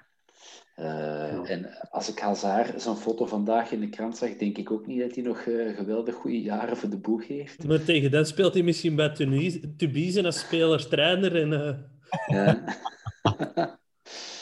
dus ja, net, net als bij de Rode Duivels is het gewoon geweldig belangrijk inderdaad voor een club als uh, voor elke club, maar zeker voor onze club, dat wij, dat we zo wat, wat jong gasten. En het voordeel ook bij hè, wat je net zei bij jong gasten, die kunnen bij ons weinig verkeerd doen. Hè. Die inkomen, dat, dat, dat, is, dat is gewoon altijd, eh, die, die worden niet uitgefloten, ook al spelen die een, een slechte match. Oké. Nog iets over eh 1B en beloften? Of ehm, zijn, we daar, eh, zijn we het daarover eens? Het worden mannen, maar voor de voetballiefhebbers liever. Frederik, zeg het eens, wat komt er nog binnen? Ik denk dat we eigenlijk alle vragen momenteel beantwoord hebben die zijn binnengekomen. Oké. Als er mensen nog vragen hebben, dan is het nu het moment om die te... Ja, absoluut. Ik had eh, nog wel, ik heb dan ook dingen opgezocht, dus ik vind dan ook dat ik die maar mag delen. Het is wel opvallend dat je, ehm, ja, ja, dat is toch waar, hè? Ehm, als eerste jaar in eerste klasse hebben wij 44 transfers gedaan, zowel in en uit. En je ziet eigenlijk dat, dat kan ik eigenlijk bij scherm delen, dat zou het nog misschien nog beter maken. Ik zal even wat hier doen. Oh, Je ziet, sorry? Doe, doe eerst die vuile pagina's. Ja, inderdaad. Eh, Dat is altijd gevaarlijk, Ben. Een vuil Excel. Uh, nee, uh, wat ging ik zeggen? Dat je heel goed ziet, ons eerste jaar hebben wij heel veel transferbewegingen en ons derde jaar onder beleuning hebben we er maar 26 gedaan. Dus ik vind dat heel mooi om te zien. Zo gaan we dat hier allemaal doen. Oei, nee. Dat gaat hier ontploffen, hè, jongens. Nee, dat gaat hier... Stop, hè. Zie, zie nu goed, hè. Ik ga dan met cijfers, die moeten we al niet zien. Hè. Van, oh, is allemaal. Man, oh, wat gaan wij hier Ja, Nee, maar ik wil Ik vind het zeer ambitieus, zien, dit. jongens. Ik wil het Zeer ambitieus. zien eerst. hè. Share screen. machine- Ah ja, ik kan dat niet. Host disabled participant screen sharing. Wat dat even tegen. en terecht. Man, man, man. Maar Ik wil maar zeggen dat je wel heel duidelijk ziet dat door een constante als trainer te hebben, de, de, de Laszlo, dat we wel veel minder transfers zijn gaan doen en dat we wel kunnen, hebben kunnen vaststellen dat, ehm, ja, dat, het, dat de kwaliteit ook wel naar omhoog ging. En met Leco zijn we aan een nieuwe cyclus begonnen, die is dan abrupt onderbroken. Dus ja, het is misschien ook gewoon zien met verkouteren volgend jaar. Welke kant gaan we uit? Welke profielen en spelers komen erbij? En dan gaat er opnieuw zo een golfbeweging hebben dat het naar beneden gaat. Ehm, ja. Dat wou ik nog even meedelen, dat je dat heel duidelijk ziet, maar jullie zien het dus niet. Ah, nee? Jammer. Jammer. Teken dan er die muur achter u, uw curve. Ja, ze zullen, ze zullen lachen hier thuis. Ehm Ga je toch nog verf staan? ja, liters, liters. Den Hans, Den Hans wil eigenlijk om me helpen, zegt hem eigenlijk. eh. Nee, ik vraag zelf voor moeten de. Ik moet zelf genoeg schilderen. Dus als Ja. er eh, lieve luisteraars zijn die willen komen helpen schilderen, je krijgt het pintje. Ik heb, ja, ik heb misschien nog wel een, een hangijzer. ehm, omdat, we, ehm, ja, omdat we zeggen, hè, we we zijn in een investeringsfase. Maar een investering die we gemaakt hebben, dat is eh, niet alleen Frederik die lijkt op Benson, maar dat is ook de echte Benson. Uh, die heeft ons 3 miljoen gekost. We hebben die nu uitgeleend. Dat was um, een seizoen dat we 6 miljoen hebben uitgegeven. Ja, hoe verantwoord was die 3 miljoen voor uh, Manuel Benson? Ja, ik denk dat we allemaal wel uh, met onze wenkbrauw hebben gefronst toen we dat bedrag zagen voor Benson. Denk dat, dat in de tijd dat we toen ook al beseften van 3 miljoen, dat blijkt toch wel vrij stevig te zijn. Maar misschien kan dat nog wel renderen. Hè. Daar ben ik misschien heel optimistisch in. Maar net voordat hij uitviel, was hij wel goed bezig. Oké, het waren ook maar drie wedstrijden of zo. En ik weet ook niet wat hem dat zou hebben kunnen doortrekken. Maar het was wel een jonge Belg, uh, waar dat we er dringend wel van nodig hadden. Uh, een winger. Dus dat, lijkt me, dat leek me toen, ook al was het vrij stevig, je kon dat wel ergens verklaren. Uh, hebben we dan het geld gewoon door de, door de, door de ruiten weggesmeten? Nee, dat denk ik niet. Uh, en die lijkt het nu toch ook vrij goed te doen in Nederland. Ik ben nu wel geen kenner daarin. Maar stel dat je volgend seizoen toch weer met wingers wilt spelen, dan is het toch goed dat je iemand als, de, als een Benny erbij hebt? Nee? Nee. Voor de money. Ja, maar dat is de vraag, hoe gaan we spelen? Maar dat was ook een uitzending. Die ja, wie, wie, wie, is volgend jaar coach? Dat zal, uh, daar zal alles van afhangen. Ah, de Hans Bressing is coach. Hans is coach. ah, maar echt. Dat zijn persconferenties samen met Richie. Er wordt voor de comedy voor kunnen inkomen vragen. Ik, ik, ik, wil dat wel doen. Op voetbalmanager marcheert dat. Ik verwijs hier veel naar voetbalmanager. Ja, inderdaad. Ik heb precies geen leven, zeg. Ja, een hak erin. Wie wel tegenwoordig. Zeg, de ah. Ritchie als T2 slash speler. Zeg, mannen, kunnen we de Ziggy Sia eens uitnodigen om uh, in de podcast mee te doen? Wat dan, komt, dan komt hij bij mij schilderen. Je had mij ook al gestuurd van als je een extra mening nodig hebt, stuur linksje. Dus uh, we gaan moeten Daar gaan we eerst een commercieel verdienmodel voor moeten uitwerken voor we zulke dingen doen, denk ik. Nee? Oké, oké. Oké, we zullen nog één rondje doen. Um, als er geen vragen meer binnenkomen, dan hebben we wel heel wat topics ook behandeld. We gaan eens een score geven. We zullen zeggen op 10 um, van de transferpolitiek van Antwerpen. Ik ga nog grap een paar cijfers meegeven die dat volledig kunnen beïnvloeden. We hebben 80 inkomende transfers gedaan, 58 uitgaande. Dat is sinds uh, Donofrio natuurlijk. Um, wij hebben 6, 15 miljoen uitgegeven, 1 miljoen ontvangen. We hebben, even kijken, 25% van onze transfers waren effectieve transfers. We hebben 20% vrije transfers gedaan. Wat, bedoelde mee waren effectieve transfers? Ja, waar een geldsom mee gemoeid ah, was. Okay. Inkomend. Uh, we hebben 20% vrije transfers gedaan, dus gasten gewoon zomaar opgepikt. En dan is er nog een onbekende factor van 20% hebben we daar geld voor betaald of was dat vrij. Wij hebben ook al 38% van onze spelers vrij laten vertrekken. En dat is gewoon ver... geweest als we dat visueel hadden kunnen zien. Hè? Ja, kijk, dat is, uh, ik zal het nog wel eens proberen. Hè. Nee, het gaat nog altijd niet, spijtig. Um, anyway, we gaan het gewoon het rondje doen. Hè. De Hans staat bij mij naast mij. Zeg het eens, Hans. Puntje op 10 voor Donofrio's en transferbeleid. Over alle seizoenen heen? Ja. Tot heden ten dagen. Een 7. Oké. Okay. Dylan? Een 8. Um, ehm, nee, pakt een 7,5 en het laatste seizoen een 6. Oké. Okay. Vincent?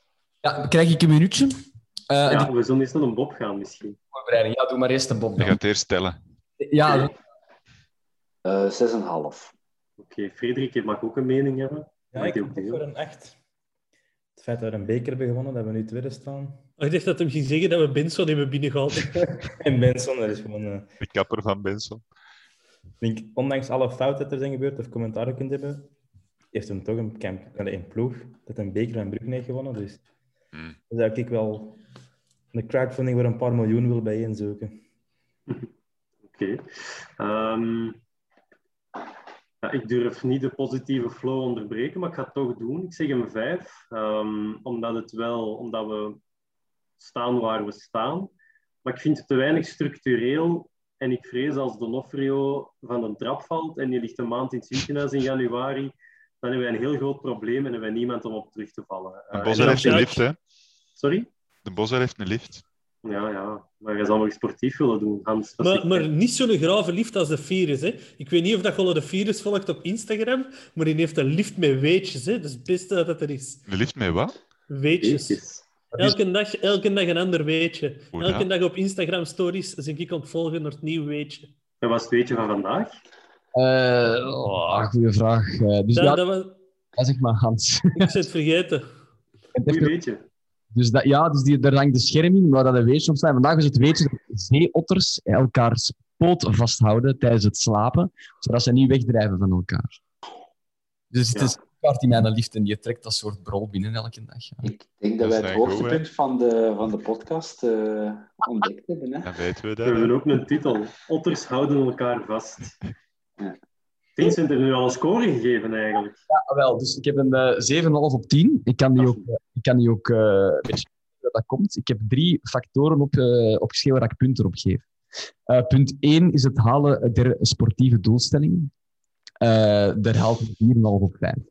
Dat zeer goed. We zijn nog niet kampioen gespeeld, hè, dus ik verwacht dat elk jaar. Vijf geven, dat ging echt niet. Maar de eerder benoemde dingen, de beker en ja, play-off 1, behalve dan dat eerste jaar telkens halen en eh dat Europese. Hiernaam. Dan het halen der financiële doelstellingen. Met dus enerzijds het eh, verdienen van geld en anderzijds het niet te veel uitgeven. Dat is minder. Eh, daar geef ik hem 1 op 3. 1 op 3 omdat, we, omdat ik vind dat hij niet met geld gooit. Eh, daar haalt dat, komt dat ene punt vandaan. Die twee speelt hem kwijt omdat er natuurlijk geen geld wordt verdiend. En dan ten derde is het aantrekken van spelers eh, met marketingwaarde. Ik vind dat toch ook belangrijk dat je wat gezicht eh, in je ploeg steekt. En dan denk ik aan de Van Damme in het begin en de Rafael en de Bocani. Dat-. Ja, dat, zijn, dat is ook een manier waarop je club geld verdient en status verwerft. En dus daar heeft hij ook nog twee punten verdiend. En dat geeft een totaal van 7,5 op 10. Ehm Bijraanvand in Iran. Als je nu een commerciële waarde wilt uitdrukken. Ja, kunnen die iets kopen? Er is een handelsverbod. Handelsembargo, hè, dus ja. Loep. Vecht, vecht toch gewoon. Ah, de Gerom ging, eh, ging scouten in Chili en volgend jaar gaat hier eh, de Chileense... eh, Nee, nee, die gaat gewoon met knappe zatte vrouwen terugkomen, heb ik begrepen. Dat is ook scouting, hè? Er moet, er Helemaal moet- prima. Helemaal er mag prima. voor mij gescout worden, hè? Als we niets zinnigs meer te vertellen hebben, dan stel ik voor dat we onze Facebook Live hier beëindigen. Mensen die gekeken hebben, Dag. dikke merci. Daar is hem. Dat is hem. Dikke merci. even, Hans. en doe het eens voorhand. De vreugde. Hoe zag dat eruit? Top. Mooi. Hij was er ook bij. Bedankt om te kijken. Bedankt om eh, te luisteren voor mensen die het als achtergrond hadden opstaan. En eh, donderdag zijn we opnieuw met een voorbeschouwing op de wedstrijd tegen Club Brugge. Tot een volgende vierkante paal. Salut! Ja, bedankt. Hè.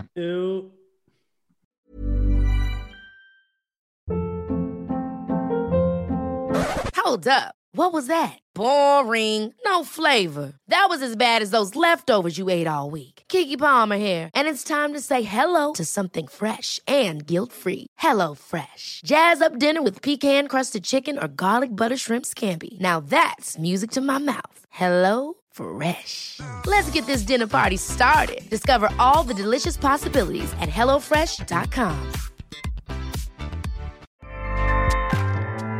ACAST powers the world's best podcasts. Here's a show that we recommend. The Real Housewives is a guilty pleasure for most, but if you're looking to not feel guilty about that pleasure, tune in to Everything Iconic with me, Danny Pellegrino, where I break down all the messy moments and behind the scenes antics of Bravo's popular franchise. And on Everything Iconic, I also interview celebrity guests like Kelly Ripa, Kiki Palmer, Drew Barrymore, Cameron Diaz, and more about their guilty pleasures, their past work, and so much more. So if you're pop culture obsessed and find yourself watching way too much reality TV like me, tune in to Everything Iconic with Danny Pellegrino wherever you listen to podcasts. ACAST helps creators launch, grow, and monetize their podcasts everywhere. ACAST.com.